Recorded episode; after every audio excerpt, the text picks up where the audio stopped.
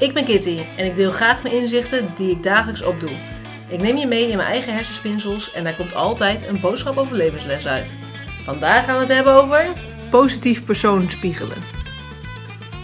Hey lief mensen, leuk dat je luistert naar weer een nieuwe aflevering van Kitty geeft inzicht. En vandaag wil ik het hebben over de positieve versie van jezelf. En wat wil ik daarmee zeggen? Dat eigenlijk vaak we best kritisch op onszelf zijn. Of dat we denken, ja, maar dit is niet minder leuk aan mij. Of dit doe ik niet goed. Of, uh, of misschien dat je dat niet direct ziet dat dat in jouzelf zit. Maar dat je denkt van, nou, de, deze situatie gaat iedere keer weer verkeerd. En iedere keer uh, gebeurt het weer. En ik word er zo vermoeid van. Uh, en dat kan zijn een situatie met iemand anders. En dan is het goed om eens af te vragen van, joh, welk aandeel heb je daar dan zelf in? En wat doe jij of hoe reageer jij in die situatie? Waardoor misschien die situatie ook wel op die manier ontstaat. En het grappige is om misschien eens te gaan spiegelen daarin. En hoe doe je dat? Door eigenlijk na te denken over iemand in je omgeving. Het kan zijn iemand die je kent, gewoon persoonlijk. Het kan zijn dat het iemand is die uh, misschien heel bekend is, waarvan je denkt dat hij heel positief is. Maar in ieder geval iemand waarvan jij denkt, nou dat is echt een, uh, een positief persoon. Die, uh, die heeft helemaal voor elkaar en die heeft het hartstikke fantastisch. En die is altijd blij, bewijs van. En die heeft zo'n goed leven.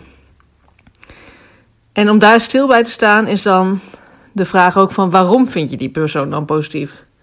Wat is het dan aan diegene dat die voor jou dan zoveel positiviteit uitstraalt? Wat doet die persoon? Wat zijn dan kenmerken? Dat kun je opschrijven. Je kunt het ook in je hoofd natuurlijk voor jezelf bedenken. En dan is natuurlijk ook de vraag van... Wat zegt dat over jou in de zin van...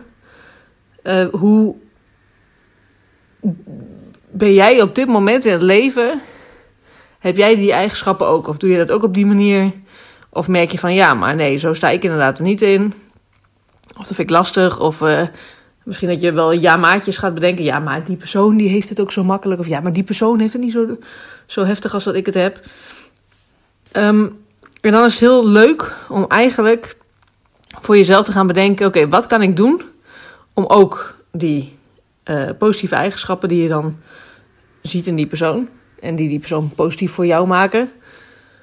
En wellicht zijn het er twee of drie die is te noteren of na te denken van hé, hey, wat zijn dan die eigenschappen die ik zelf ook zou kunnen integreren of waar ik zelf aan zou kunnen werken. En dat kan zijn van joh, die persoon die lacht heel veel vaak, heel veel vaak.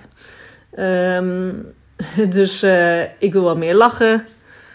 Uh, of ik merk dat die persoon heel vriendelijk is en altijd kalm blijft. Dus ik ga wat meer tot tien tellen.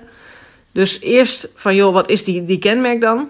En vervolgens van, hoe zou jij dat kunnen toepassen in jouw leven... zodat jij ook wat meer op die persoon, positieve persoon lijkt. Laten we in ieder geval dit nieuwe jaar lekker positief beginnen.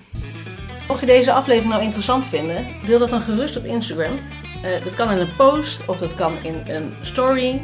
Tag Kitty geeft inzicht. En wie weet help jij daarmee wel weer andere mensen met een mooi inzicht.